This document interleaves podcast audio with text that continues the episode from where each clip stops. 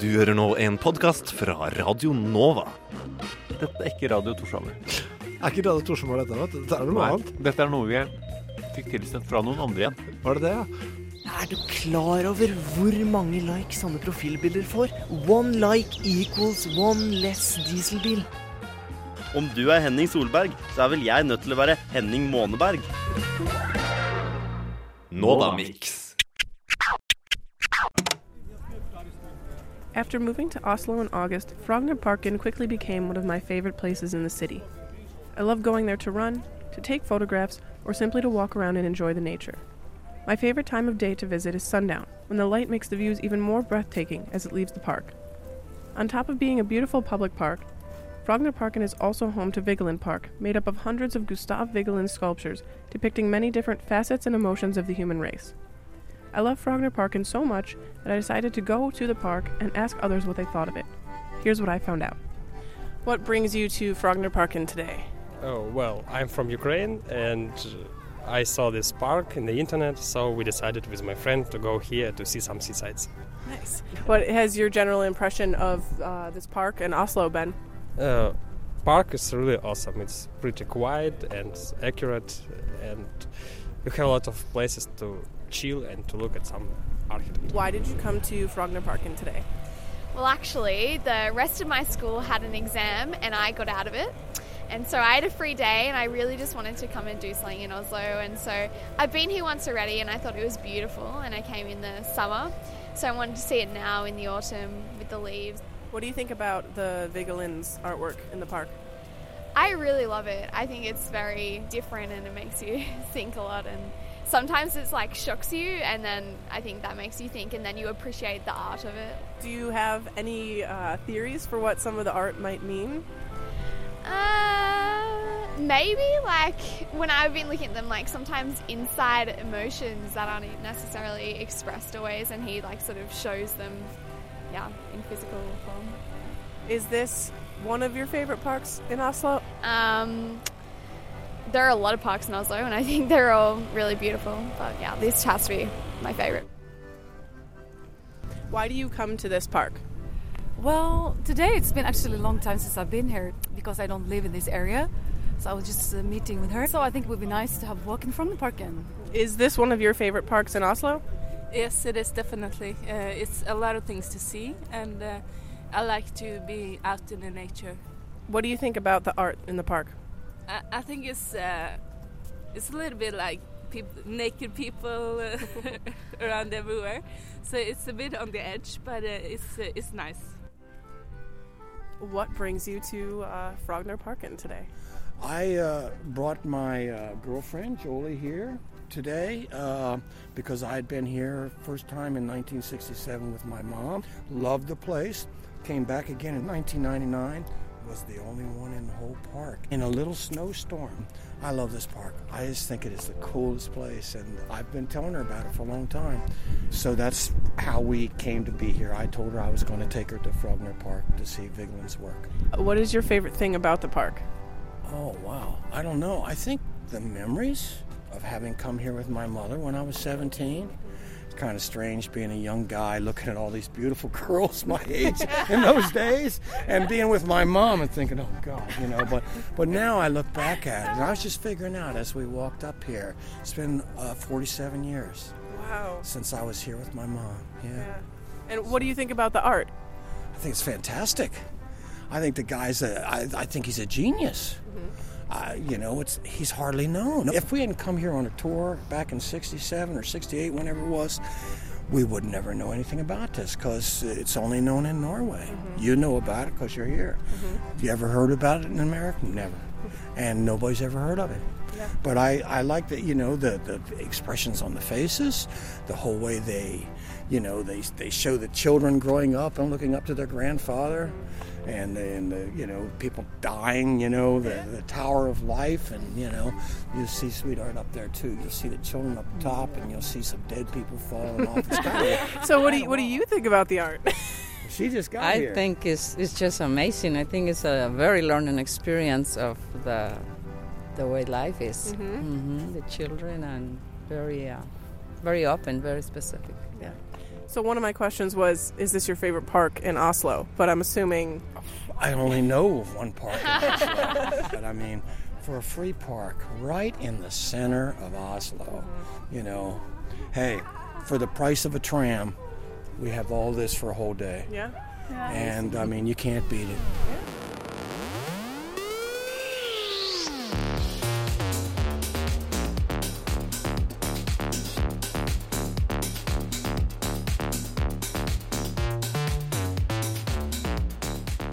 Andrea Bratten du hører på, Isak? Vet du hva, Sara Bech Sørensen? Det er det faktisk. Hvordan det? Han spiller på Ekkofestivalen. Ekkofestivalen, festival for tekno, elektro og lydkunst. Ja, og moderne kunst eh, på Østre i Skostred i Bergen sentrum. 27. oktober til 1. november. Samme festival som har huset diverse norske artister som Lindstrøm og Terje Skateboard, Kim Hjorte, Diskoke Telefons, Tarjei Nygaard og tidligere André Bratten. Ja, kan ikke vi dra dit? Vet du hva? Det syns jeg vi skal. Til Novajetten!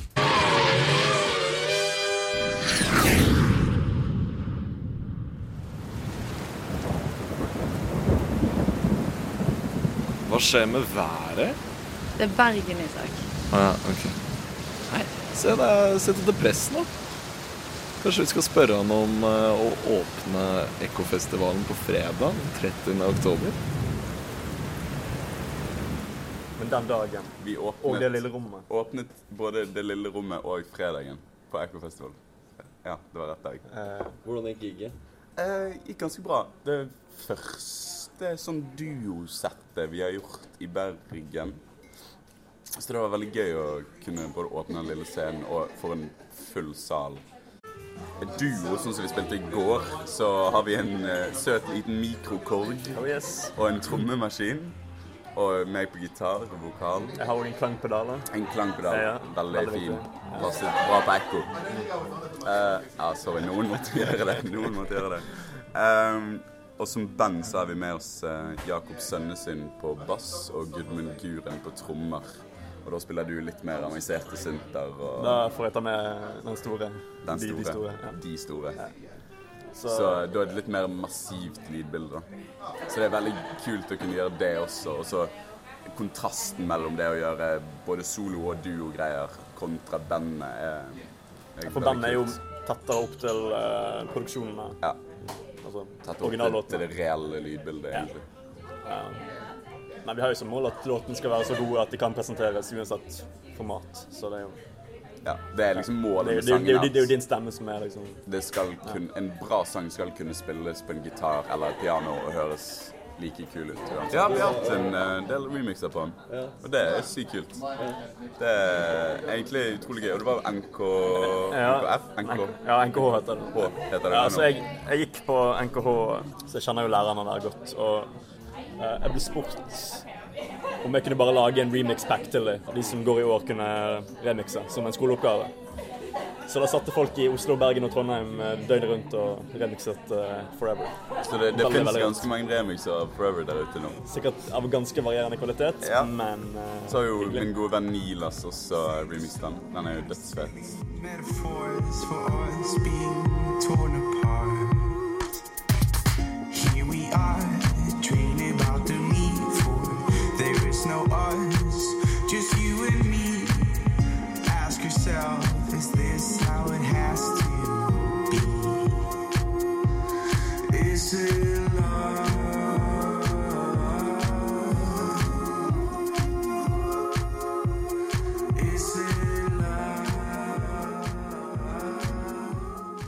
Jeg sitter her nå med Peder Nilas, og jeg lurte på Ser du på deg selv som DJ, eller er du hovedsakelig produsent? Snart to år siden så fant jeg ut at sånn her, Jeg hørte på en eller annen låt og så tenkte jeg sånn Shit, jeg kan jo sikkert prøve å gjøre noe selv.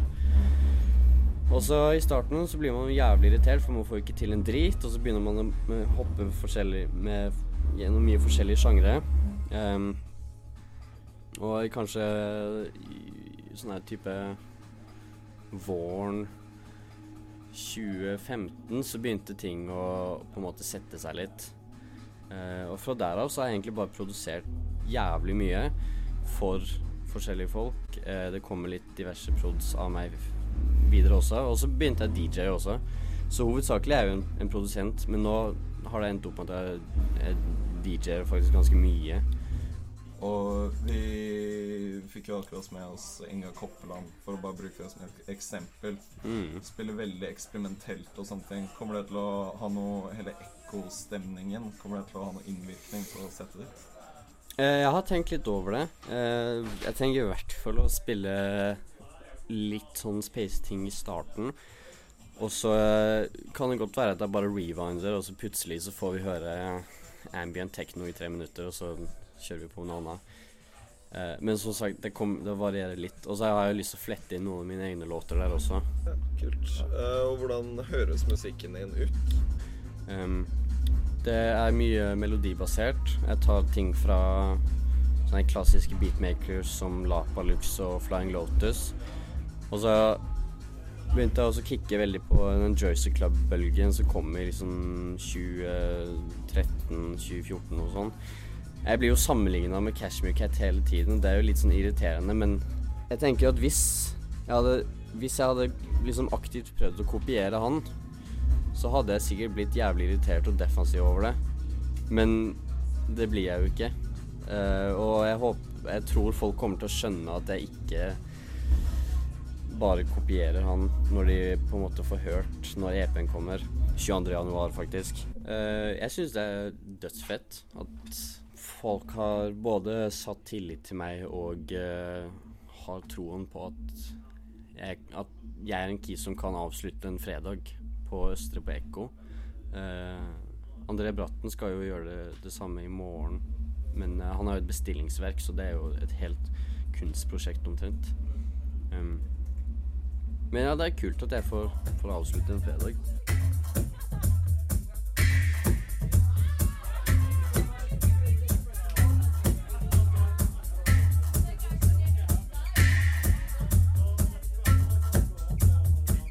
Shit, Isak. Hvem er det som DJ-er nå?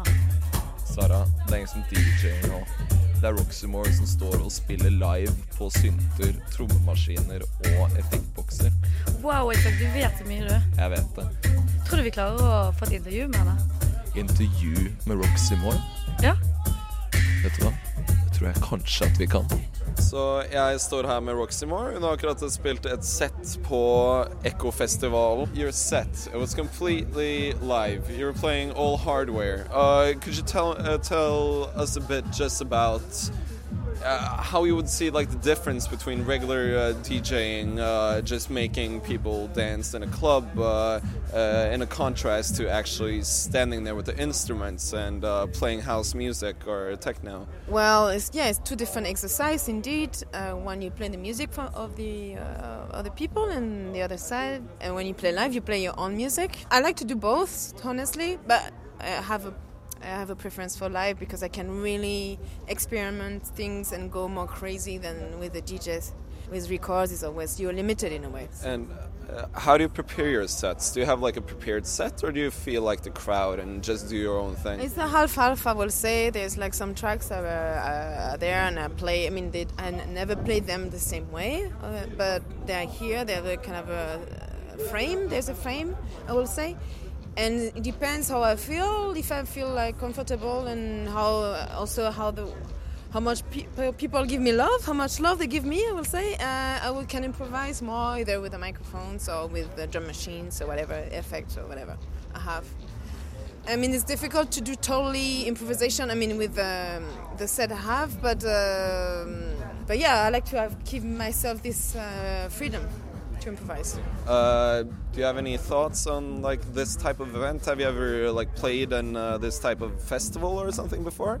Mm, always played in different type of. No, it's the first time I think like this. Like, uh, yeah, one of the person of the festival told me that they were doing this uh, access to electronic music via the live acts and not especially DJing, which is very interesting because there's not so many clubs who give the chance to some live acts to express themselves. So I think it's nice that they do that. Yeah. The Norway scene, uh, all the clubs close at three. Do you have any thoughts on how this might inspire the, the, the DJs and the musicians to play live? I know that it closed very early. That's all. Uh, but the people are ready to party hard. I mean, at two o'clock they're ready, and in, in Berlin it would be totally empty. The equivalent, people go out at five or four o'clock. So I would be a bit frustrated to live in Norway, to be to be honest. Uh, I like after hours. I like this ravey uh, state of mind that you don't have to live right now. So, uh, but it's interesting. I mean, people are really enjoying to be there. They are dancing. There's two different stages, different style of music. No, they're really here for. And yeah, the music is very experimental. There's very different type of music tonight between In, Inga Copeland or Carr or me and uh, Max Cooper. It's a very big, wide range of different style of live music. So yeah, I think they're very lucky to have this uh, opportunity to in that small town to have uh, yeah access to this music. It's nice. Syns du om uh, Ekkofestivalen, da, Isak? Nei, altså, det var kult. Eh, Rival Consoles var fire. Inga Coppeland var interessant. André Bratten var som forventet jævlig bra. Og Max Cooper var fett. Gjennomgående en god opplevelse, og jeg gir to tomler opp.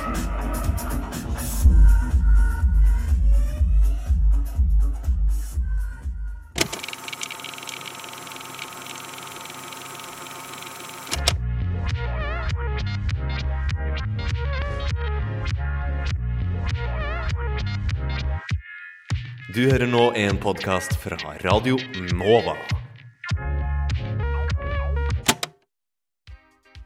Hei, har du drømt om å kjøre rallycross i verdensrommet? Har du drømt om å putte to mål mot Brasil i 1998? På månen? Hei, jeg er Henning Solberg. Og jeg er tidligere fotballspiller Henning Berg. Dere kjenner meg sikkert som en halvdel av rallybrødrene Solberg.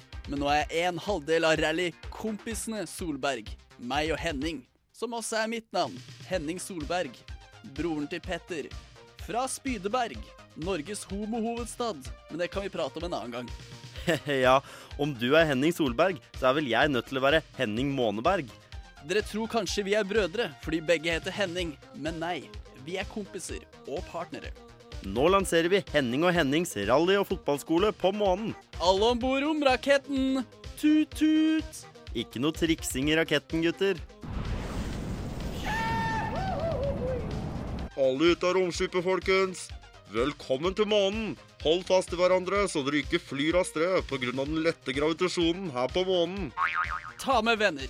Ta med familien din. Ta med barna dine. Samle alle og kom på tidenes største og første rallycross- og fotballhelg på månen. La meg gnikke skallen min på babyen din. Jeg triksa så hardt at ballen skjøt ut i verdensrommet. Løp på ball, gutter.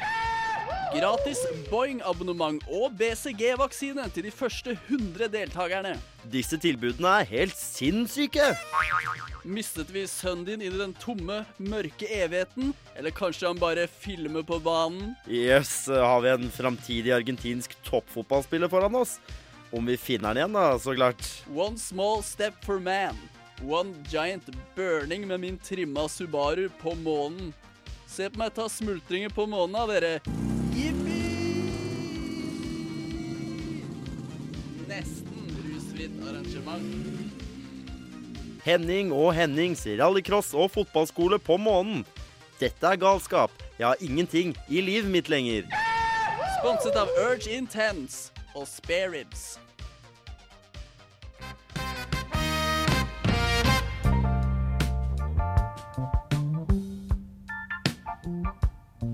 Radio Nova FM 99,3 DAB pluss og radionova.no.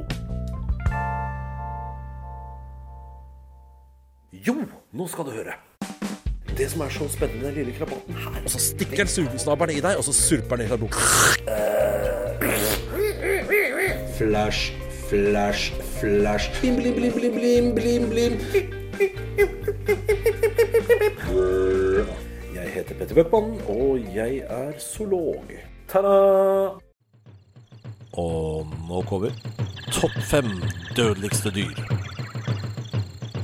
Det fins mye farlige dyr her i verden. Og så er det alltid et spørsmål om hvordan måler man hvor farlig et dyr er. For er det, er det farlig å møte på dyret, eller er det det dyret som man kanskje ikke, ikke er så veldig farlig hver gang du møter på det, men som sånn til sammen tar livet av veldig mye folk.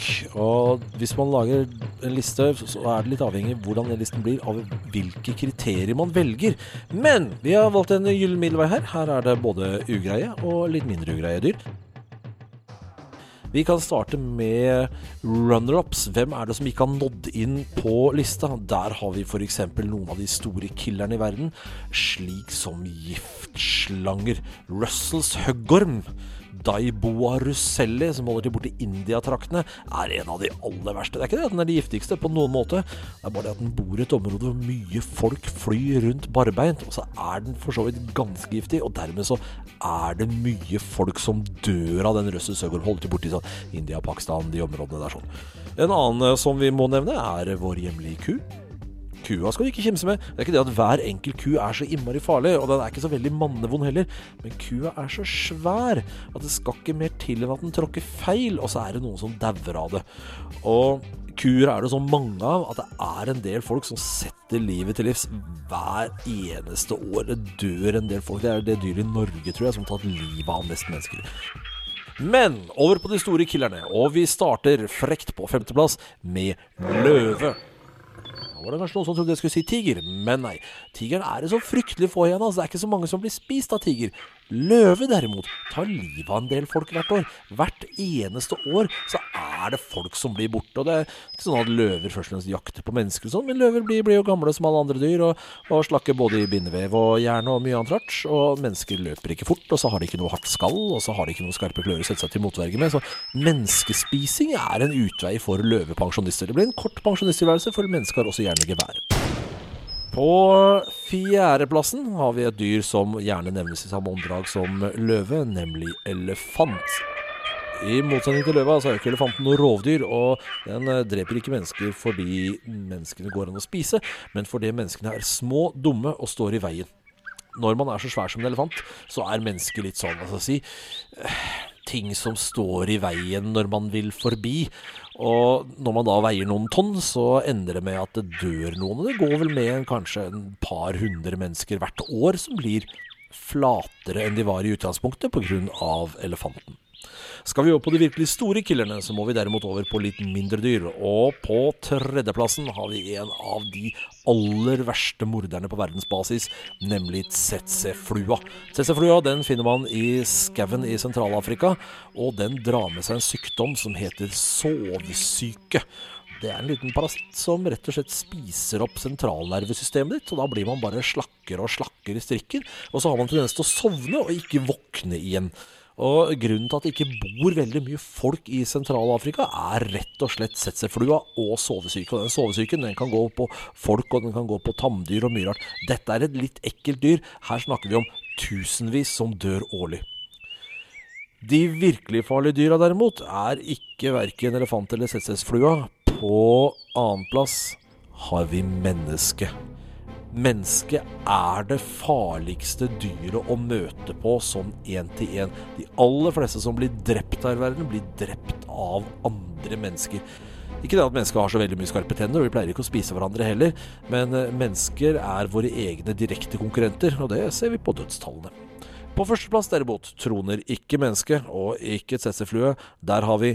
Malariamyggen. Ingen overraskelse for noen. Malaria dreper hundrevis, for ikke å si tusenvis av mennesker hvert eneste år. Malaria er en sykdom som vi har slitt med siden ja, i hvert fall antikken, og vel så det. Det er altså en av de store, store morderne i verdenshistorien. Og kan man selvfølgelig si at malariamyggen er slem og, og fæl, men uh, malariamyggen er det egentlig også litt synd på, for det malaria i seg selv, det er jo ikke myggen, det er jo en parasitt. Og den parasitten gjør også myggen dårlig. Så når malariamyggen får i seg den der fæle parasitten, så blir den litt sånn uh, ugrei i magen, og så setter den seg på et eller annet offer, og så stikker den i snubestabberen sin, og så spyr den litt.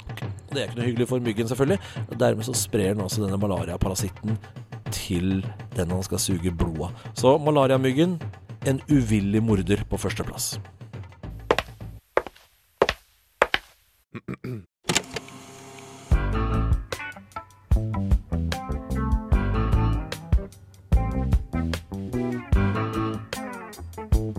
You're listening to Radio Nova.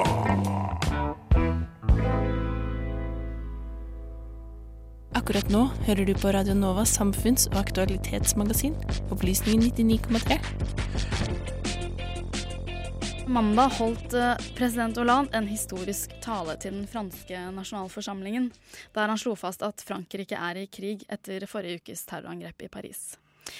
Retorikken fra franske politikere den siste uken har klare likhetstrekk med språket som ble brukt etter 11. september-angrepene i USA. Er denne krigsretorikken en nødvendighet for Frankrikes ledelse i den kommende kampen mot terroristene? Eller skaper den bare mer splittelse, aggresjon og frykt i befolkningen? Og påvirker denne fryktretorikken i forbindelse med terrorhandlinger oss alle? Eh, Med oss på telefon har vi Berit von der Lippe. Du er professor emeritus ved Handelshøyskolen BI og ekspert på retorikk i krig og retorikk om terror. Velkommen. Ja, takk. Og i studio har vi Kjell Lars Berge, professor i tekstvitenskap ved Universitetet i Oslo, og også retorikkekspert. Velkommen til deg også. Takk skal du ha. Og så hei, Berit. Hei, Lars. Vi kan begynne med å høre veldig kort deler av Hollands tale. La France est en guerre. Les actes commis vendredi soir à Paris et près du Stade de France sont des actes de guerre. Ja, der sa altså Hollande at Frankrike er i krig, og hendelsene i Paris er krigshandlinger. Og i tillegg har han altså sagt at vårt svar, svar kommer til å bli nådeløst. Eh, hvilket formål tjener denne krigsretorikken for Hollande, Berge? Jeg tror ikke han hadde noe som helst valg, og det er to grunner til det. Det ene er, altså I retorikken da, så snakker vi om kairos eller retorisk situasjon. altså Du er nødt til å svare på et påtrengende problem. Du må nødt til å løse en situasjon gjennom ytringen din. da. Og Det er to eh, sider ved det, slik jeg ser det. Eh, og Det ser ut som det er det som er tolkningen nå internasjonalt. da. Det ene er at han faktisk eh, vil gå til krig. Og det vil han gjøre i allianse med andre EU-stater, og nå også Sikkerhetsrådet, slik at det blir et enstemmig vedtak der, støttet av alle. Og Det er jo imponerende. Det var jo også situasjonen for øvrig med amerikanernes forsøk på en måte få med seg folk på Irak-krigen, hvilket de ikke klarte. og Da var det Frankrike som var den sterkeste motstanderen i Sikkerhetsrådet for øvrig. Der holdt den daværende franske utenriksministeren en strålende tale som satte amerikanerne på plass. Det er det ene. Det andre er jo selvfølgelig hva han er nødt til å si til det franske folk. Ja, Hva som er passende. Ja, passende. Og det, han er bare nødt til å markere klart eh, sivilisasjonsstandpunktet. At dette er en eh, kritikk og en kamp og en, et angrep på deres eh, grunnleggende verdier. Jeg tror han refererer til at Frankrike er det landet som der opplysningstida og demokratiet starta, så å si. Så du mener han går til en sivilisasjonskrig? Ja, så han, han markerer tydelig at her er det kamp mellom en totalt usivilisert eh, middelaldersk, barbarisk eh, miljø som de er nødt til å bekjempe for å gjenopprette sivilisasjonens eh, grunnvoller, så å si. Von, von Lippe, ordet krig brukes ofte om konflikter mellom to stater, men her bruker altså Hollande ordet krig for å beskrive kampen mot ISIL, som jo nettopp ønsker å bli en stat. Gjør han dermed dem en tjeneste ved å tillegge dem rollen som en motpart i en krig? Ja, det er det som er det sammensatte med å skulle forsvare sitt land også mot terrorhandlinger.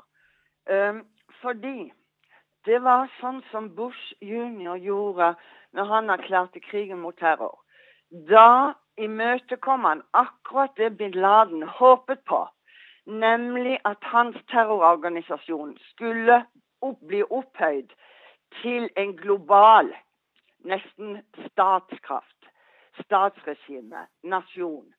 Og det er det pikante og det farlige her, som jeg vil vektlegge. Um, ja, han måtte stå frem og land og være beskytteren av Frankrike. Men samtidig oppnår denne forferdelige terrororganisasjonen IS igjen nettopp det de har håp på. Å bli løfta opp slik at de blir sett på som en stat som truer ikke bare Frankrike, kanskje ikke bare Europa, men sågar verden.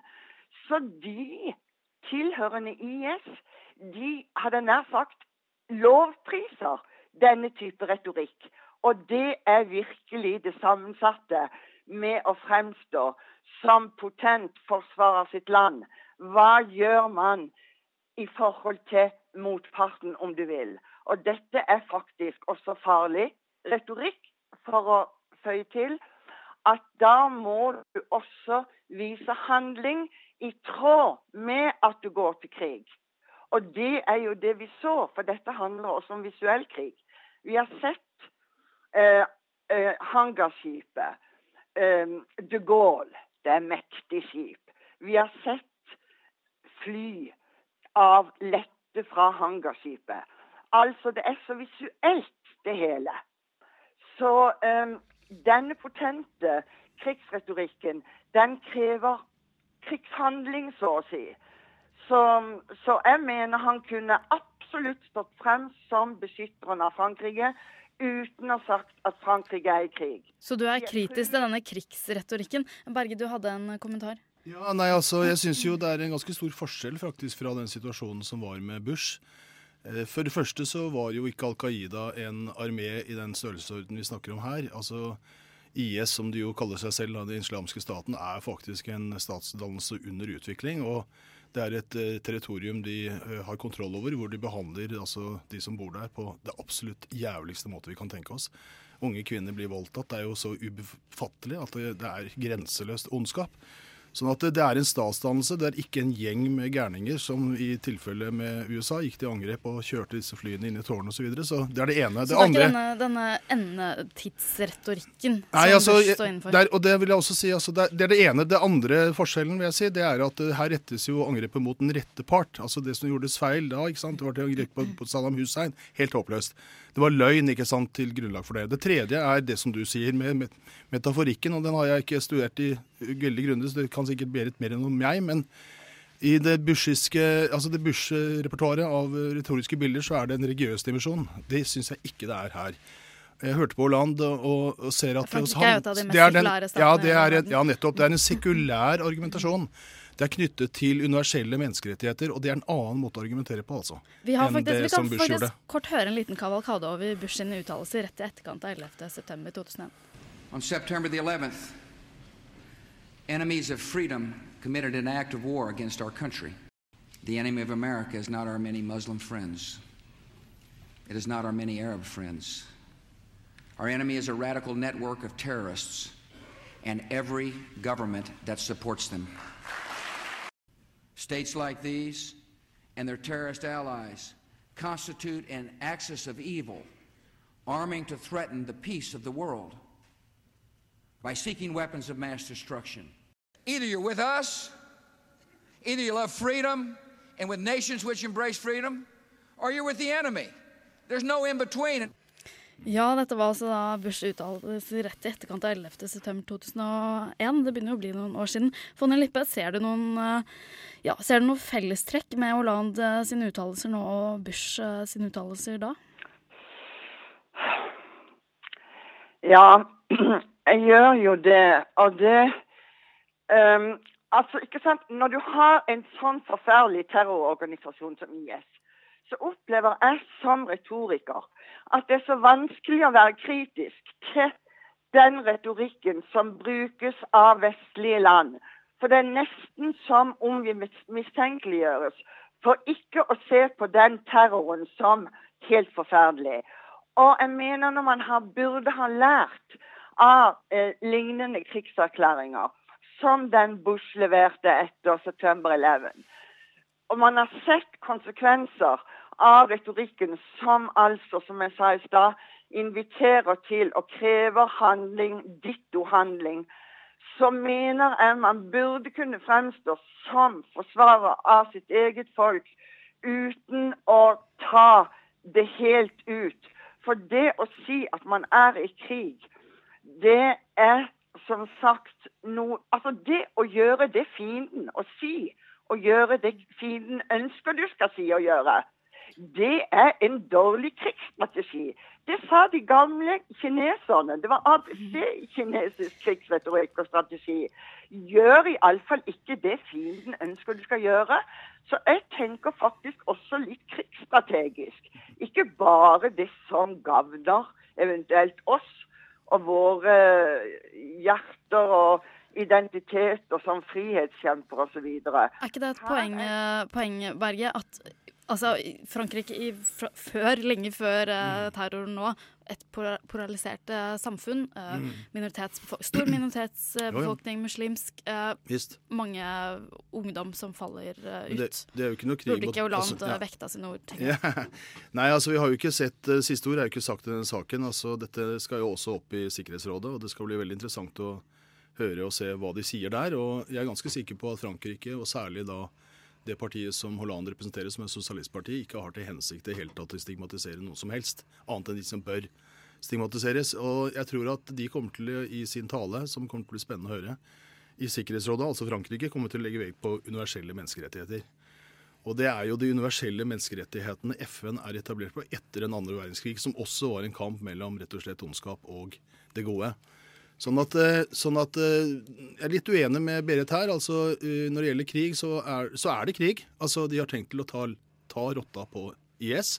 Det er helt opplagt at de har tenkt å utradere den armeen. Det tror jeg bare må innse. Det kommer USA til å være med på, det kommer til Russland til å være med på. Kineserne stilte seg bak i dag, så jeg. Så at her kommer den siviliserte delen av verden til å ta disse folkene. Og så skal det selvfølgelig ryddes opp etterpå. Og da kommer vi inn på det som du er inne på, med de store problemene som det er med integrering av visse grupper, f.eks. i Frankrike og andre et, deler av verden. annet, Sånn som i Sverige også, for øvrig. et annet poeng. Hvor mye plass til følelser er det hos eh, statsledere, altså patos, enten om det er planlagt eller mindre planlagt, ved slike anledninger? Og vi har et eh, nytt eh, eksempel, norsk eksempel sådan. For meg er det jo først og fremst sorg.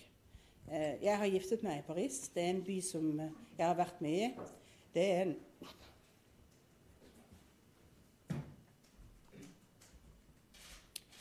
Jeg tror det er en by som veldig mange nordmenn har sterke forhold til. Å vite at de angriper uten mål og mening, det er tøft. Samtidig er jo vår jobb å tenke gjennom hva betyr dette for oss. Hvordan kan vi bidra til at terroristene ikke vinner?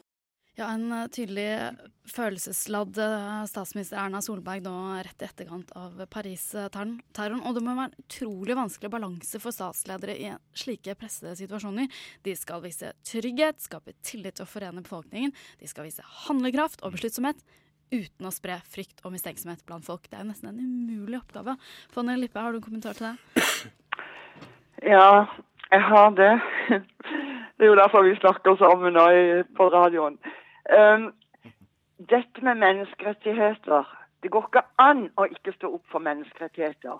Men vi må også få lov å spørre oss om i hvor stor grad vi har ivaretatt menneskerettigheter ved å delta i ulike Nato-initierte kriger. Og når Erna Solberg sier vi bruker ord og dialog i en annen sammenheng, de bruker våpen, så er det bare delvis riktig. For vi har da vitterlig vært med og brukt våpen i adskillige kriger. Og jeg har lyst til å føye til enda en ting. Når Jens Stoltenberg for noen få måneder siden gikk i bresjen for å synge sammen med Natos utenriksministre, eh, Nato-medlemmenes utenriksministre We are the world. We are the people. Og la ut dette på YouTube. Altså, da går han inn i en type NGO, fredshjelpeorganisasjoner, som er utrolig uheldig. For we are the world, we are the people. Han må være klar over at Nato ikke, se, ikke utelukkende representerer verden og folk. Det er jo ikke akkurat en hippiebevegelse, nei. Um, Berge, um, har du en kommentar til dette med følelser? Du har jo Ja. tidligere berømmet uh, Stoltenberg i etterkant av uh, Ja, altså, 22. juli. Veldig godt eksempel på en sånn kontrollert reaksjon som har å gjøre med hvordan språket kan på en måte endre situasjonsopplevelsen, slik at folk føler trygghet. Altså Så det, det var imponerende, den talen som ble holdt den gangen. Og det er klart at det stiller enhver politiker overfor enorme utfordringer å klare dette. Og det er klart at de skal være, og må være, emosjonelt berørt. De er nødt til å vise deltakelse. Men det er vanskelig, og, og de er jo mennesker de også. De står i en situasjon, sånn som vi hørte Erna Solberg. Det er jo ikke planlagt at hun her eh, nesten gråter. Eller hun føler at stemmen brister, da.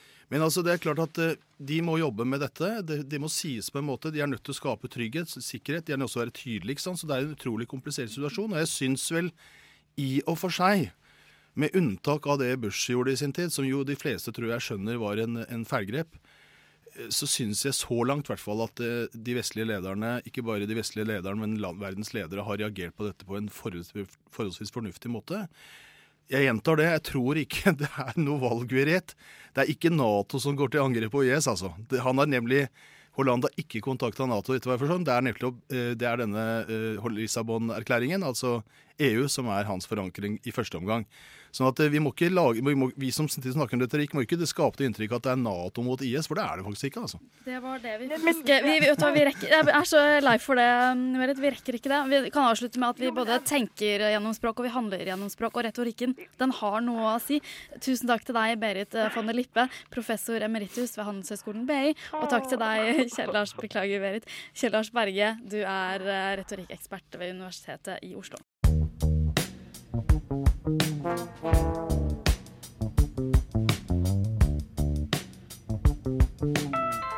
hører nå på en podkast. Du hører nå på en podkast.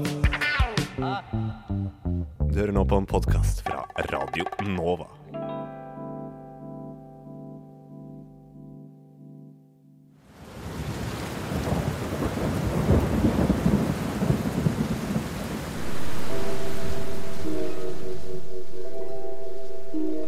Hvordan er det å eksistere, men ikke kjenne blodet pulsere i kroppen?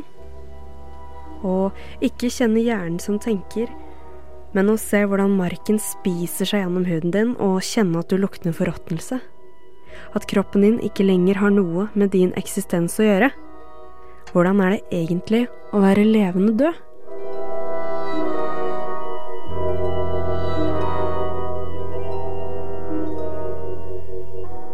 Det var for eh, behandlinga av den myteomspunnede Mademoiselle X Jules Cotard skulle bli berømt.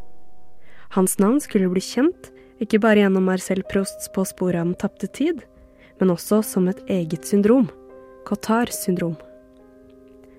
Mademoiselle X var nemlig fullstendig overbevist om at hun var død, og Cotard var den første som katalogiserte dette som en lidelse i 1880.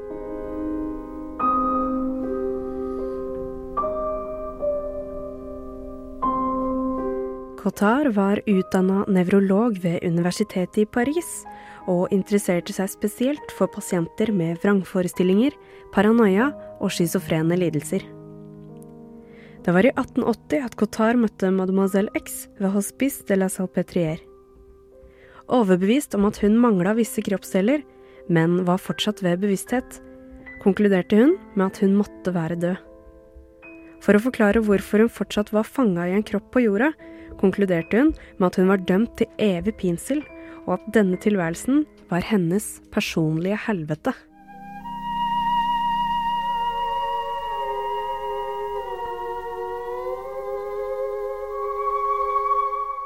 Cotars syndrom har varierende alvorlighetsgrad, som spenner fra en mer generell fremmedgjøring til egen kropp, til total benektelse av ens egen tilstand som levende. Pasienten kjenner seg fanga i en tilstand av limbo. Du er verken helt død eller helt levende. Det sentrale symptomet på sykdommen er distanseringa mellom kropp og bevissthet. Kombinasjonen av psykotisk depresjon og hypokondri er et kjennetegn for syndromet. Den sjukes behov for personlig hygiene, sult og fysisk helse er ikke lenger til stede. Da dette typisk er fenomener knytta til kroppen, som den sjuke har mista kontakten med. På mange måter er Contar syndrom en selvoppfyllende profeti, da neglisjeringa av kroppslige behov, som sult, fører nettopp til døden.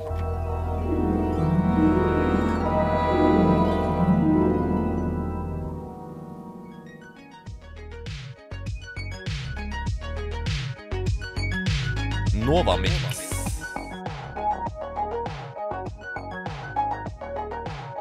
Du hører nå en podkast fra Radio Nova.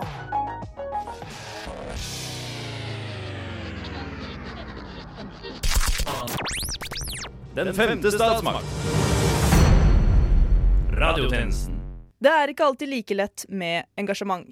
Småting som filtre på Facebook kan få mange til å se rødt. For nettopp hvorfor det er så få filtre å velge mellom, er det noen grupper som lurer på. Vi sendte tjenestemann Dyrnes ut for å intervjue en av disse gruppene. Det gjorde vi. Ja, for mange går i furore over at det bare er flagg man kan ha på profilbildet sitt. Og det er selvfølgelig Miljøpartiet De Grønne som er sinte. De mener det nå må komme mange flere filtre som bl.a. setter lys på global oppvarming. Jeg møtte Miljøpartiet De Grønne-politikeren Torjus Henriksen på kontoret deres i Østmarka. Hva er det Miljøpartiet mener bør finnes av filtre? Ja, det første vi har, vil få det til å se ut som ditt gamle profilbilde drukner i vann fra polene. Og Rasmus Hansson som rekker ut en reddende hånd. Og det er nå helt tydelig for oss at Facebook-filteret er det eneste som får folk til å våkne. Dere legger ikke litt vel mye vekt i disse filtrene nå? Er du klar over hvor mange likes sånne profilbilder får? One like equals one less dieselbil. Videre forteller Miljøpartiet De Grønne-politikeren Torjus Henriksen at de planlegger et filter hvor en død isbjørn svever på en sky av dieselbiler, mens det renner blod nedover på sidene, og Lan Marie Berg står gråtende på en elsykkel i bakgrunnen. Og hvis ikke det får folk til å ta T-bane, da vet ikke jeg. Nå, Jeg syns sånn helt seriøst at dere legger altfor mye vekt i dette her. Å nei, bare vent til du ser det siste filteret. Sjekk ut disse overhead-arkene med Eivind Tredal i Supermann-drakt som folk kan gå og holde foran ansiktene sine. Og det blir real life-filteret. Vår prins på alles ansikt. Det er garantert å snu global oppvarming. Ja, kanskje til og med sende oss inn i en ny istid. Ingen drømmer er for store. We are the world. We are Rasmus. We are winning. Det nærmer seg slutten på ukens sending. Hvordan syns du det har gått, eh, Andreas? Jeg syns det har gått bra. Ok. Sy- Syns ikke du? Nei, nei, nei, nei, ikke bare trykk på ching-knappen når du ikke vil svare meg. Men før vi takker for oss, skal vi nå til en reporter som er tøff i pysjamas. Benedicte, vil du gifte deg med meg?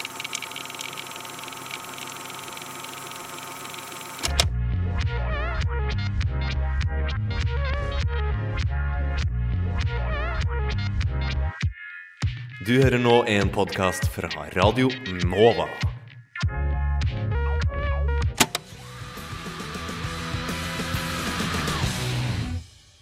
Eh, kan jeg fortelle om den tjenesten jeg har fått utført, eller? Ja! Ja. Eh, eh, Var du som sa pupper, så? Ja, jeg vet. Jeg, eh, eller jeg fant fire gamle DAT-kassetter. Et gammelt lagringsformat. DAT-kassett er altså står for Digital Audio Tape. Ja.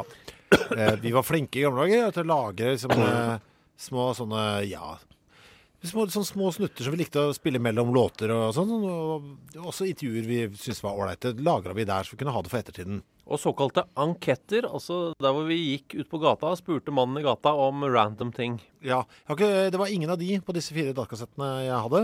Den største suksessen i, på, den fronten husker jeg jo da vi gikk ut og med sorgfull mine sa, snakket med folk om at innenriksministeren var død. Hva syns de om det? Ja.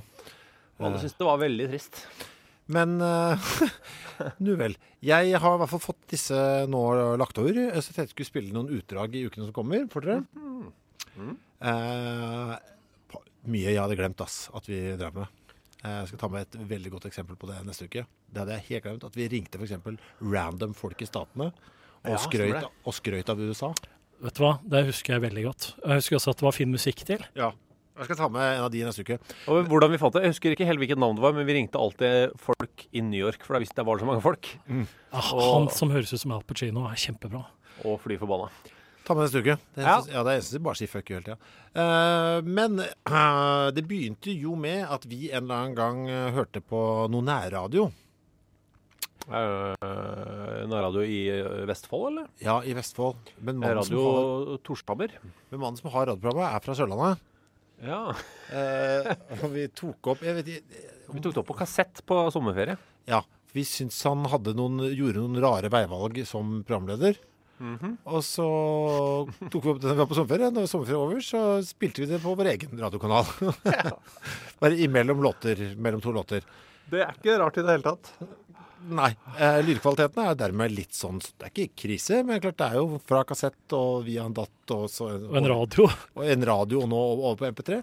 Eh, dette er Men for veldig, veldig gamle, trofaste lyttere så vil det være et kjært gjenhør. Ja, vi har mange klipp med han duden her. Jeg tok bare det aller første som lå på teipen. Det var alt jeg rakk. Jeg bare tok det første.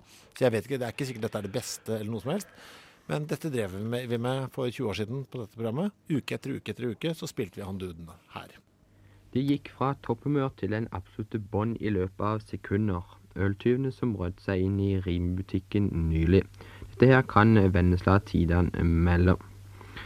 Øltyvene brøt seg inn i rimbutikken i Vennesla sentrum, der de kom eh, der de kom seg inn i maskinrommet, og det første de så når de kom krypende inn gjennom veggen, var ei kasse langpils, skriver avisen.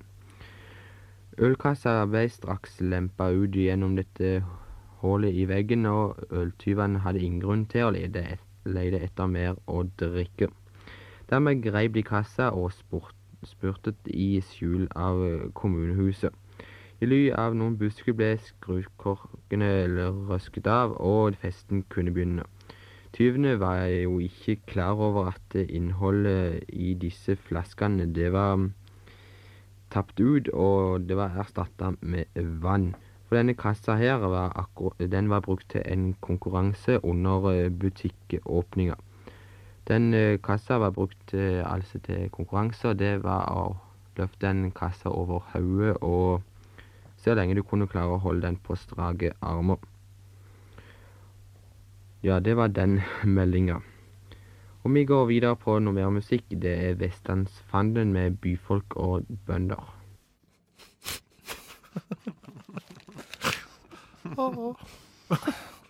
Jeg vet ikke, vet ikke hva jeg skal si. Eh, Dette er ikke Radio Torshammer.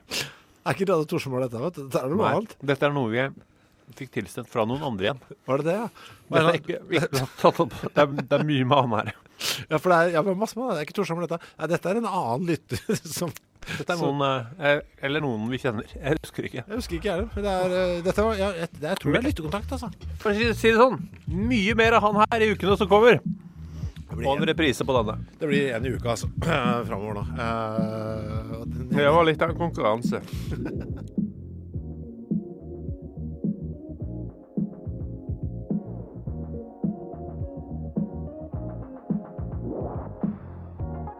Nova.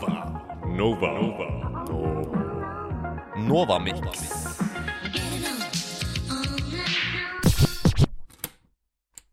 En director of photography som er verdt å se litt nærmere på. Ellen Kuras er mest kjent for sitt arbeid i dokumentarer, men hun har jobbet på filmer som Eternal Sunshine of a Spotless Mind. Hun har vunnet syv priser for arbeidet sitt og har vært nominert til 13. Hun har vunnet en Emmy for en episode av POV, som er en dokumentarisk serie som startet i 1988 tre Sundance-priser for fiksjonsfilmene Personal Velocity, Three Portraits, Angela og Swoon.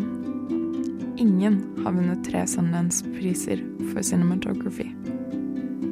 Hun har også blitt nominert for en Oscar for The Betrayal, en dokumentar fra 2008 hvor hun hadde regi sammen med Tavisuk Parasavath. The Betrayal er et langvarig prosjekt som startet på 80-tallet, når hun var ferdig med studiene sine. Som mange cinematografer startet hun innenfor dokumentar, som hun forelsket seg i når hun studerte antropologi, som filtrerte inn i hennes arbeid som fiksjonsfilmer. When I was at Brown University, I had seen a few films, and one of the films that I saw was um, was a recap of Billy Jack.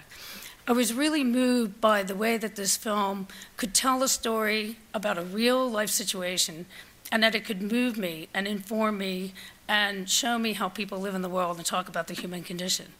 And I thought, you know, I really want to be able to do that in the world. I want to be able to make political documentaries, at least at that time, to be able to say something about the world. Eternal Sunshine har en rå følelse over bildene, som om hun har sneket seg inn i selve historien. Personal. Mye av filmene er håndholdt, som så klart er en veldig dokumentarisk metode å filme på, slik at man kan fange det som skjer, lettest mulig når det skjer. Det som mange ikke vet, er at effektene i filmen har veldig mye med produksjonsdesign å gjøre. And so much of what we did was using pieces of mirrored glass and using glass and using dimmers to be able to dim up lights and dim them down so that we were playing with the whole idea of illusion and what is illusion and what is real and what is not. Dette gir filmen en helt unik følelse. Hun har gått mye fram og tilbake mellom fiksjon og dokumentarfilm. Blow, Be Kind Rewind og Away We Go er et par filmer hun har filmet over årene.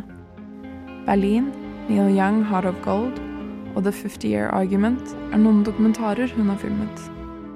Alt i alt har hun jobbet på 47 filmer og serier som cinematograf. Og i 1999 ble hun invitert som medlem til ASC, American Society of Cinematographers, som er en prestisje kun 270 cinematografer har muligheten til å sette etternavnet sitt i dag. En rå dame med beina på jordet som jobber med alt hun har på alle produksjonene sine.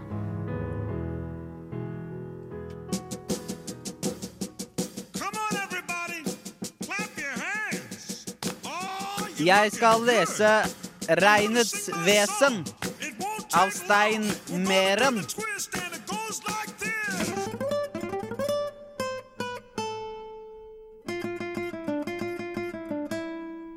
Regnets vesen. Et stort regn passerte mens vi sov. Hvordan vet vi det? Vi bare vet det. Selv inne i søvnen visste vi det. Fuglene synger.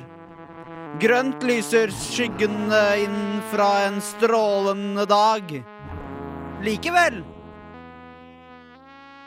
Likevel våkner vi og vet intenst at det har regnet. Jeg leste Regnets vesen av Stein Meren.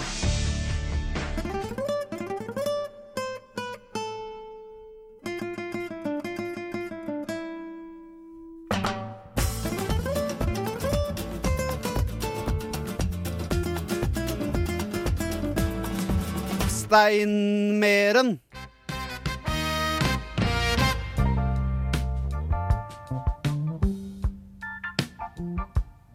Radio Nova FM 99,3 DAB pluss og radionova.no.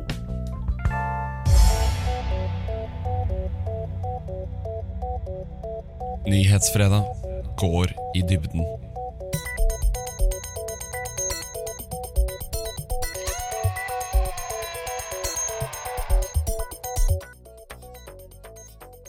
Semester avlegges det eksamener ved universiteter og høyskoler, og hvert semester blir SIO helse kontaktet av studenter som sliter med psykiske problemer pga. eksamensstresset.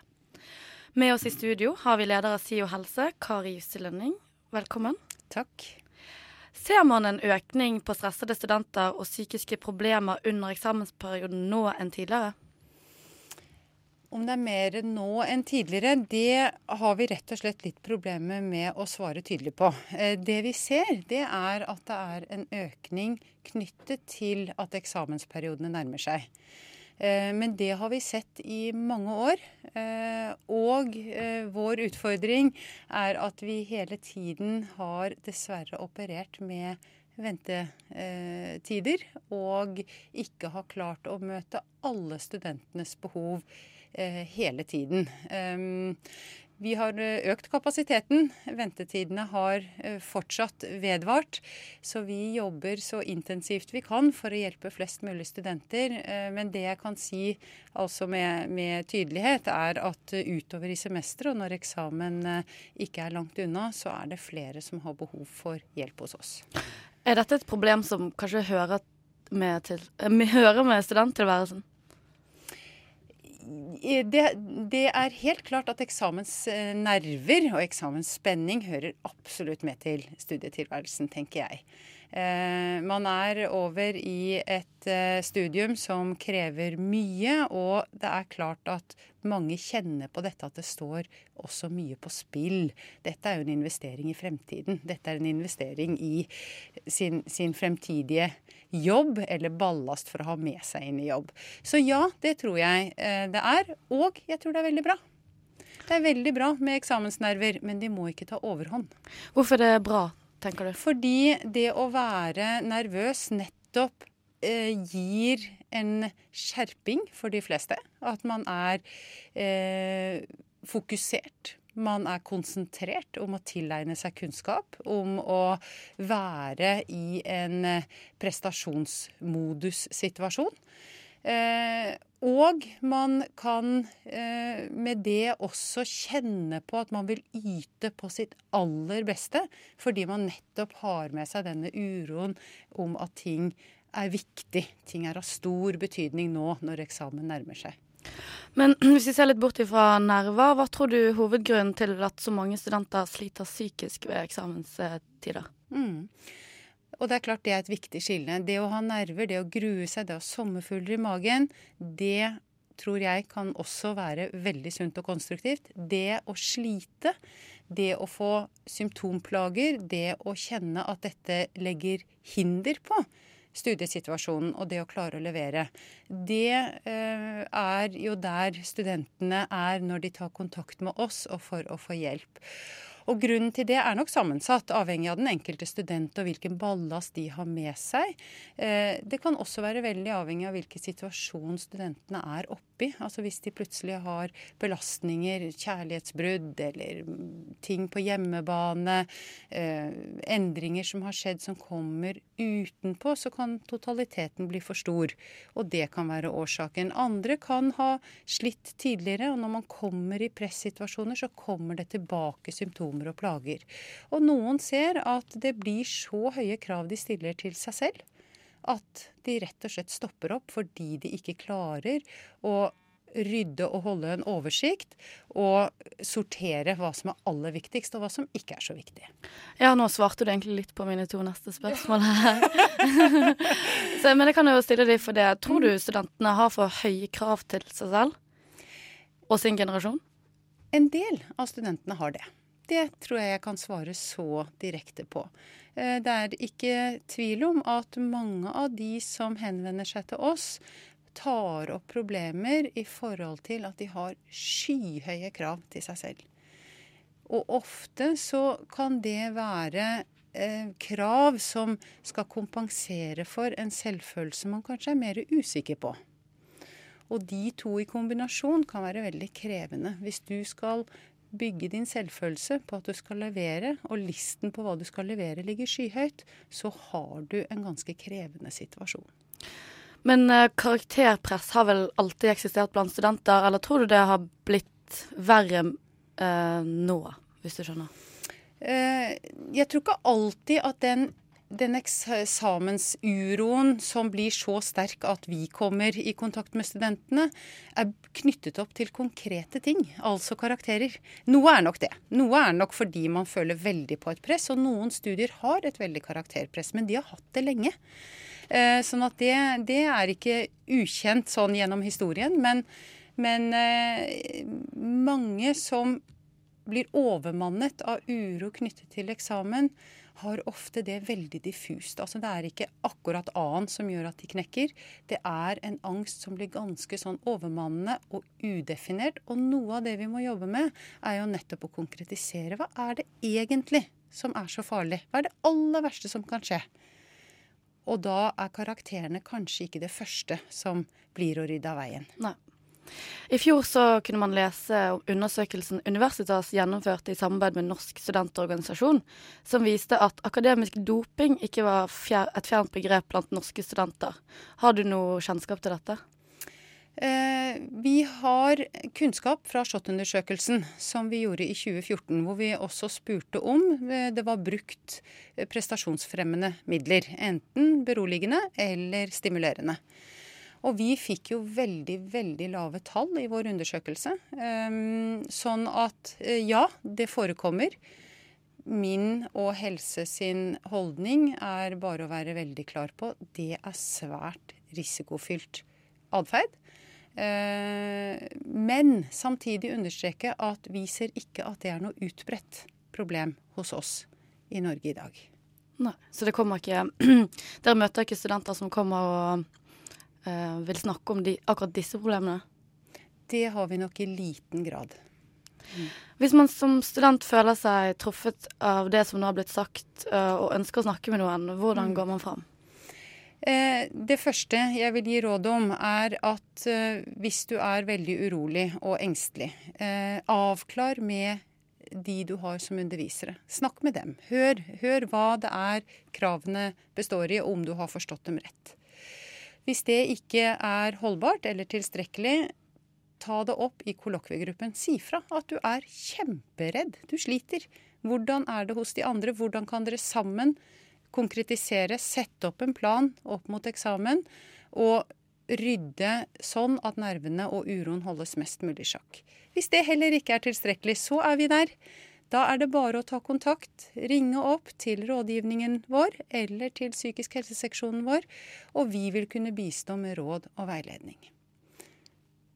Helt til sist, eh, har du noen gode råd, råd til de som sitter ytterst på stolen og biter negler nå? Det har jeg. Det jeg vil si, lag en plan over den tiden du har igjen. Men lag en realistisk plan over den tiden du har igjen. I den planen så må du lage deg noen luftehull. Noen hyggelige luftehull.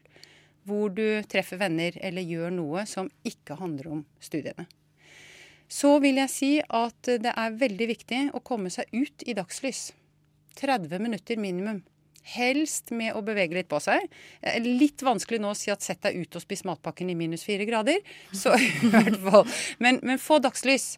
Og det handler om å få en god nattsøvn, fordi vi ved å være ute i dagslys får stimulert hormonproduksjon, som hjelper oss til å sove bedre. Og da er det neste punktet. Prøv å ha gode søvnrutiner. Prøv å legge deg til samme tid. Invester i natten. Forbeholdt søvn, ikke lesing.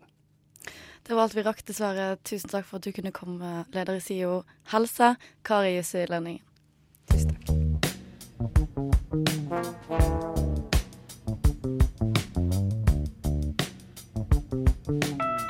Du hører nå på en podkast. Du hører nå på en podkast. Du hører nå på en podkast fra Radio Nova. Velkommen tilbake til eh, Stafett er stafett. Vi begynner å, begynner å sånn halvveis å få opp stemningen med Bernt Hulsker her. Og Bernt, eh, Mm. i ting i deres VG-podkast. Denne Hurts-greia, Ja. det har blitt ganske stort. Ja, altså no, Vi snakka faktisk Jeg var på en lunsj på, ja, på Frogner eh, faktisk her forleden. Og da satt jeg med en kompis eh, som er en tekniker faktisk på, på den her quizen som vi har ganske ofte på Kafé 33 på Grünerløkka. Og så satt vi og skulle mekke den quizen der, og vi hadde litt ideer om hvordan vi skal ta det videre. Hei og hå. Og så plutselig kommer det en eh, kompis av han teknikeren min der, da, og Sigurd som min tekniker heter. Og så kommer en kompis av han som heter, som heter Kjell inn og, og, og prøver rett å, å selge inn Bacardi Bris til fotball. Så jeg mener på at de skal prate om produktet Bacardi Bris, for jeg mener på at Hooch er jo en direkte konkurrent. og nå er det, altså, når vi begynte, når jeg fortalte en historie om Magne Hoseth For å gå inn på VG-podkasten kan, kan du få lov til å fortelle den historien med Trond Strande i den bilen? Kan du fortelle hele historien? ah, Den er så jækla lang. Men Ja, det er, vi, vi, har tatt, vi har tatt oss tid til å høre den. Ja, OK. Uh, ja uff. Jeg kan ta slutten, da. Ja. Iallfall jævla fint vær, og vi, det er en ung, pur ung Magne Hoseth i, eh, i baksetet. Jeg og Trond Strande sitter fremme der. Og, og, og patter på hver sin Petterøes uh, Mil 3. Og blåser ut vinduet der i Passaten til Trond. Og, og, og det er som sagt nydelig vær i Molde by, og det er det ikke så altfor ofte på Nordvestlandet. Vi kjører den ruta nedom eh, havnesentralen der, og forbi uterestaurantene, og, og ser jo de, de herligste drinker blir servert til de ulike gjestene, som, eh, stamgjestene som frekventerer det her hver dag, det skal sies. Uh, og alle drikker pils og koser seg. Og da smeller det fra Magne Hoseth i, i baksetet på kav avrøysk. Fy faen, det skulle ha smakt godt med en iskald hooch? og da ble han hevet ut av bilen av Trond Strande. Han er fra Fræna, og der drikker de kun heimbrent eller pils. Eh, og dette her har jo gått fryktelig langt. Ja, det har det. Jeg skjønte ikke helt En helt sånn terningkast tre-historie som liksom har dratt seg ganske høyt opp. da for, for Den dag i dag så er det vel sånn 100-150 snaps jeg får eh, hver helg eh, med folk som kjøper hooch og, og drikker hooch eh, på byen og i utlandet og overalt. Og det, det er fryktelig hyggelig. Jeg er glad i hooch sjøl. Og nå har de akkurat begynt med en relansering av dette deilige alkoholproduktet. Eh, og, og, og salget, det går eh, Ja, det er sky high, altså. Det går opp på grunn av deg. Nei, det, det vil jeg ikke si. Men eh, jeg tror det er en bra effekt, så jeg jeg regner med at jeg får et par paller på døra straks. Radio nå. Dine kolleger Samuel Lake og Jon Martin Hengsen gjorde et iherdig forsøk på å få tak i Hurts. Ja. Hva skjedde? Nei, det som er poenget her, at de, de lyver jo her på Radio Nova, så kan vi jo si det meste. Eh, Det jeg kan røpe er at det ble stoppa av eh, ledelsen, rett og slett. Vi fikk ikke lov ha hooch. Vi fikk ikke lov å si at vi drakk hooch eh, i Hva i all verden er det jeg hører? Den deiligste lyden i verden. Klingende flasker. Å, det er hooch! Nå er det fest, boys! Nå er Ungarn-Norge glemt, altså. Nå blir det EM neste år. Å, du Eneste store albaner, altså. Det er eneste måten å glemme det her. er Nå skal vi drikke oss i hjel. Ja. To tollere med hooch, du. Ledelsen på Radio Nova stoppet ikke, Nei. stoppet ikke Oi, oi, Det er oi. studentradio. Her er alt lov. Så her, vent litt. Skal jeg åpne her? Oi, oi, oi. Er det hooch? Da blir tu Men Tuborg og hooch, den miksen der, Ja. det er terningkast fire. Altså. Ja. Det er meget, meget sterk. Det er ikke dum, Nå blir det studentfest i kveld. Ja. Er det åpent for studentsamfunnet? Oi, ja, ja. Ugla på Blindern, da. Ja, Vi drar dit. Der, der skal du være med. Jeg har ikke tenkt Det er ikke noe tvil, det er ikke noe tvil Jeg om skal det. bare smake nå. Jeg har aldri smakt der edru skikkelig. Det er bedre enn jeg trodde. Ja, det er det. Den deilige sødmen der. Ja. Hint av lakris på slutten eh, bakerst i ganen. Magne Ose visste hva han prata om. da. Det er jo liten Han tvil visste om det, det, vet du. Men han har jo Han har jo personlig ringt med og bedt meg å avkrefte denne historien og sa at det var løgn og fanteri. Det er det ikke, altså. Så han, han har fått, eh, f- de har fått eh, Ja, jeg har fått snaps fra Bjørn Helge Riisen. Han drikker hooch i for eksempel. Så det, det Nei, det er gøy. Og det er godt. Ja, det var Få det på.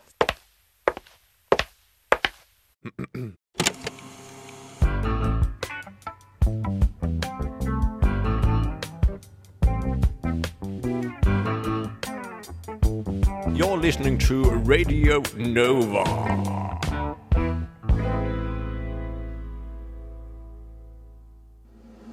Skumma, skumma, Kultur. Hverdager.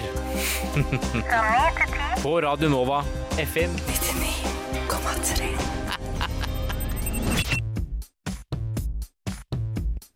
Rytmisk med Ruth Einervoll Nilsen. I fire å følge med på prøver jeg å være ditt musikalske kompass i en musikkjungel det er lett å miste retning i. Av utgivelser og oppblomstringer fra den siste tiden skal jeg plukke ut de bandene og artistene jeg har mest tro på i tiden som kommer.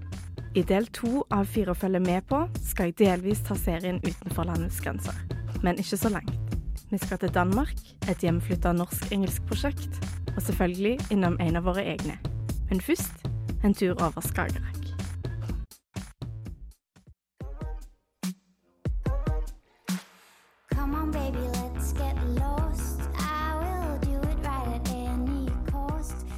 Tidligere vokalist i Flødeklinikken, Sara Mariegård, har gått solo som Soleima. Hun har gått bort fra et reindyrka hiphop-sound og inn i elektropopen. En slags retroinspirert elektro-noir har oppstått med Sara sin pikeaktige vokalover. Det er i det hele tatt en del pikeaktig over singelen My Boy. Tematikken, kjærlighetssorgen over en gutt, og den litt enkle gjentakende teksten.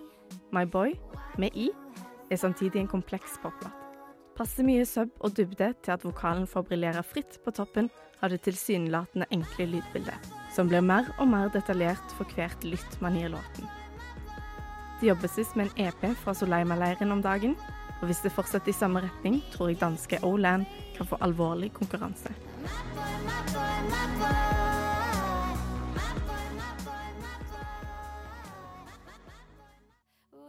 till death do us part? If so, then I'll give you my heart.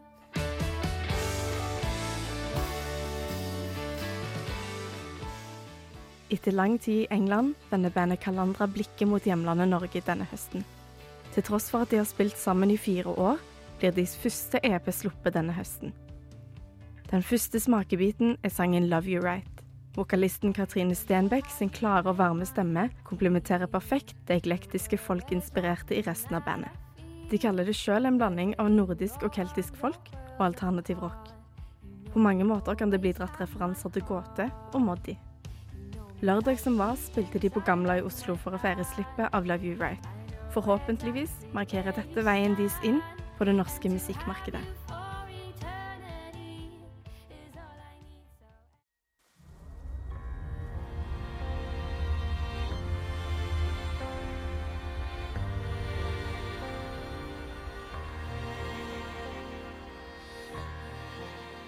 Like Swimming er andreutgivelsen til The Island Band. Tittelsporet Swimming, som du hører her, representerer mye av det man hører ellers på albumet. Et drømmende lydbilde med merkelige elementer satt sammen. Autotune over strykearrangement, f.eks. Kombinasjonen høres merkelig ut, men skaper magien som preger stemningen på utgivelsen. Det er flytende og eksperimentelt, men detaljorientert. Poetisk og drømmeaktig. Som plateselskapet Hubro beskriver, er albumet monumentalt og velprodusert. Ei fantastisk stemningsskapende plate å høre gjennom en høstkveld.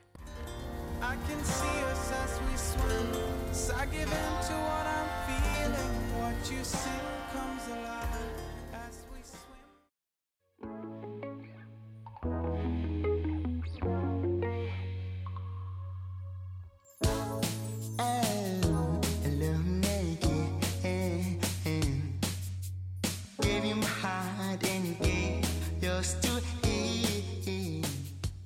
Det finnes så godt som ingen info om det danske bandet Liss.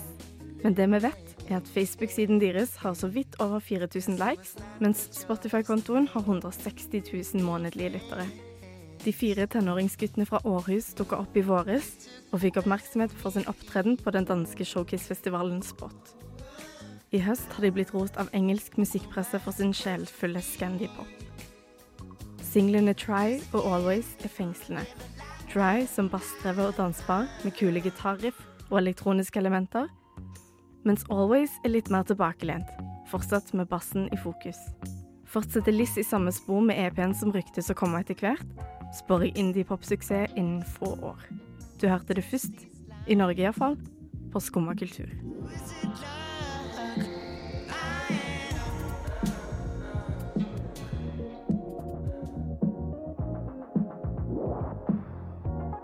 Nova. Nova. Nova. Nova Mix.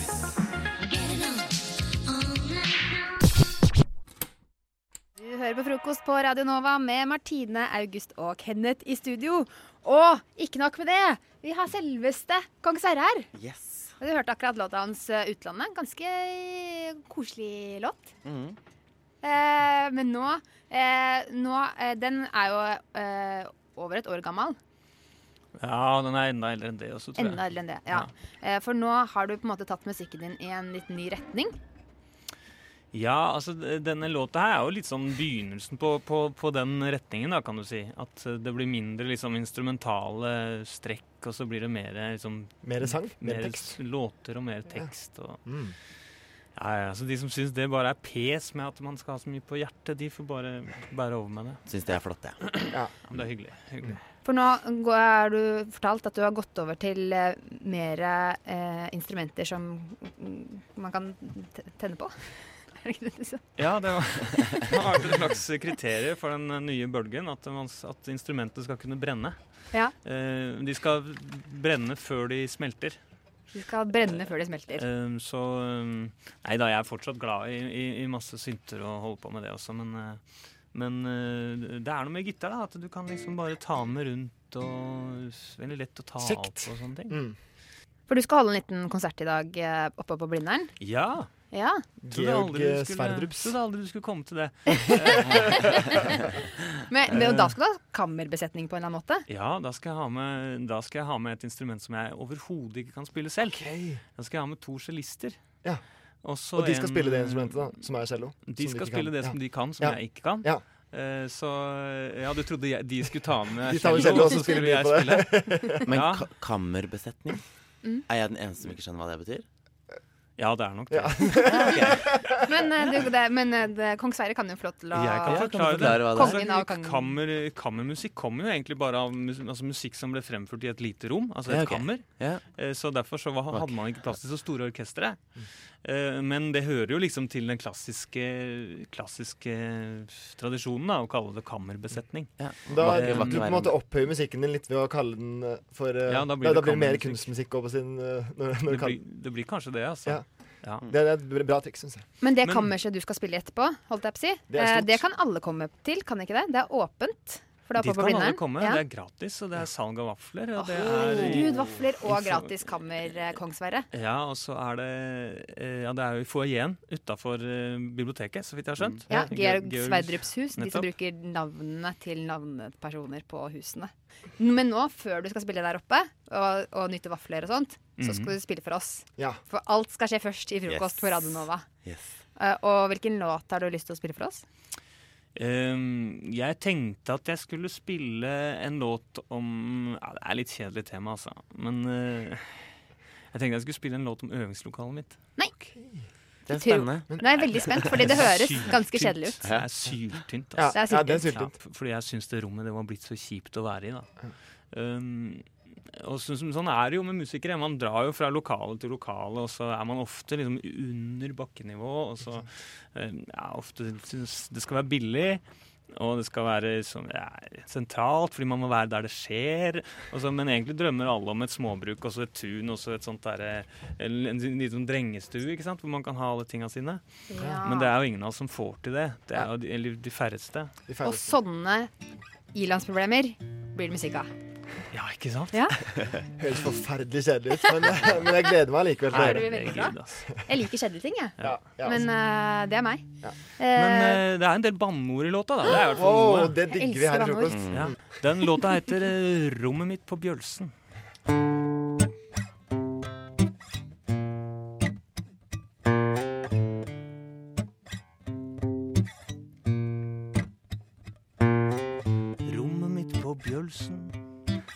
Jævla råttent sted. Bandet overbråker, så taket ramler ned. Hun i tattis-sjappa sier ta, hun er grei å prate med. Men når hun fyrer opp den nåla, da får jeg faen ikke fred. Rommet mitt på Bjølsen er en jævla råtten plass. Det går ikke an å lufte der, og det lukter som en dass. Pauserommet finner du på gata utafor. Det er 37 og 54 bussen går og går. Men stedet ligger rett ved Brutter. Og jeg kan stikke innom når jeg vil. Og prate litt om mutter.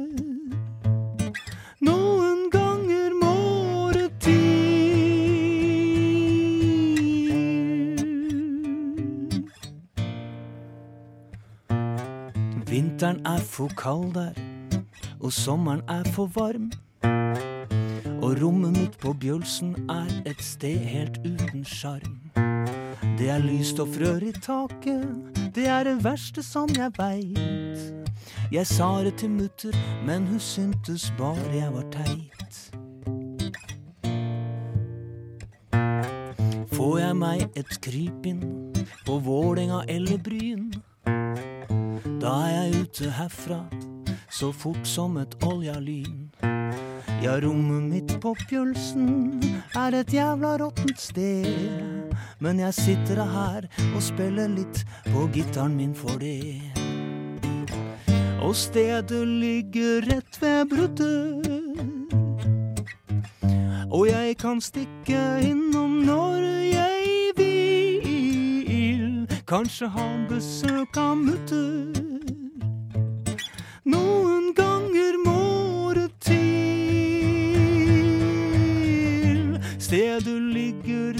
Bruddet. Og jeg kan stikke innom når jeg vil. Kanskje har han besøk av mutter.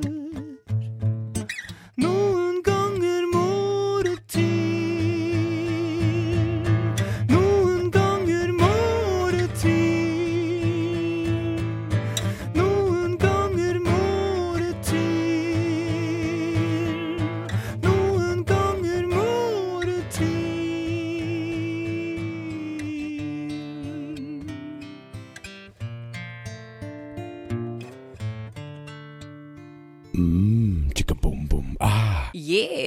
Yeah! Her er vi, vet du, og holder deg våken på morgenen.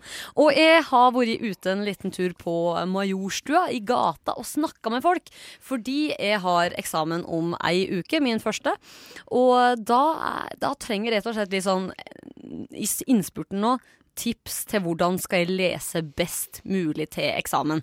Har du spurt folk på OK, dette syns jeg er. Har du tatt et avbrekk jeg tenkte på det. ifra eksamenslesingen for å gå ut og spørre folk på gaten Du, hvordan kan jeg slutte å liksom kaste bort tiden min, og hvordan kan jeg virkelig få studert? Det stemmer på en prikk, Anders. Det er det jeg har gjort. Har den ironien slått deg før nå? Nei. Nei, Eh, altså Nei. Kjørinnslag. Ja, da, nå skal vi da altså få høre tipsa folk ga til meg, og de hadde skikkelig mange bra tips det må jeg si, til hvordan skal du der hjemme og jeg lese best mulig til eksamen. Ta pauser og ikke bli for sliten. Prøv å ha overskudd hele tida. Ta pauser, tren litt, spis eh, jevnt. Det tror jeg er lurt. Og ikke bruk for mye energi slik at det tappes. Gå mye turer, sånn hvis du føler deg ukonsentrert, og så gå ut og liksom lufte deg litt. Ikke stresse. Nei, Det er veldig viktig å sove og, få nok søvn. ja, og og ikke tenke 'nei, nå døgner jeg fordi jeg må øve'. Du må sove, for ellers så kommer du til å få med deg en dritt. Sorry. Men etterpå du kommer til å glemme alt sammen. Og det er ikke gøy. Du, det er veldig viktig å sove. Så eh, soving Masse mat, og tur Masse junkfood. Junkfood? Nei, du må ha hjernemat. Nei, jeg vet ikke. Nå må du gi deg. Nei, jeg vet ikke. I have breaks in between, set a goal, just define steps, what you would like to learn and how to do it, so and to find some practical examples. So and then it's more fun. So don't forget about the fun in learning. So that's the most important thing. Kom seg ut av leiligheten eller kollektivet. Det er altfor mye som distraherer, og spesielt hvis en bor i kollektiv. Så jeg syns det var veldig greit å komme på en kafé eller et sted der ja, en kan sette seg ned og fokusere litt. da. Nasjonalbiblioteket er jo kjempeflott. Der er det jo masse store lesesaler og stille og fint. Drikk masse kaffe. Ja. Jeg er veldig dårlig til å lese selv. Hvis jeg leser noe, så får jeg ikke liksom ikke noe ut av det. Så jeg må jobbe med folk, en eller annen kollokviegruppe eller et eller annet sånt. Og så liker jeg å finne et eller annet Hvis du finner en dokumentar om det, så er det gull, for da kan jeg bare se den. det, det er sikkert veldig dårlig tips, men nå studerer jeg musikk, da, så da er jeg liksom ikke, jeg trenger ikke å lese sånne tunge, tjukke bøker, liksom. Uh, være fokus. Jeg vet ikke. Fokusert, ja. Fokusert. Ha fin dag, da. Være fokus. Kjempebra tips. Vær fokus. Vær fokus. Mm. Så det tok jeg med meg, da, rett og slett. Eh, Men hun ene her sa jo 'gå tur', og da, da slår jeg tilbake Ja mot din kritikk, Ja da. Anders. Mm. Jeg gikk en tur når jeg var rundt på Majorstua og snakka med folk. Fikk et avbrekk. Ja, veldig lang tur, da. Eller eh, du var vel ute en liten stund? Nei, det, det tok ikke så lang tid, skjønner du. Altså, folk, folk hadde så gode tips rennende på. Men Så, var det ja. uke til eksamen, sa du? En uke til eksamen, ja. Det vil si at neste uke så kommer SMS-spørsmålet til å være hvilken karakter får Ingrid på eksamen? Åh, og den som tipper den Altså, da anbefaler jeg Radio Nova FM 99,3 DAB pluss og nett.